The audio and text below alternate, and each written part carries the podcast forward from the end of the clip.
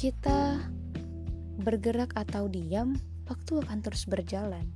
Kita bahagia atau sedih, waktu akan terus berjalan. Kita sukses atau tidak, waktu akan terus berjalan. Kita hidup atau mati, waktu akan tetap berjalan.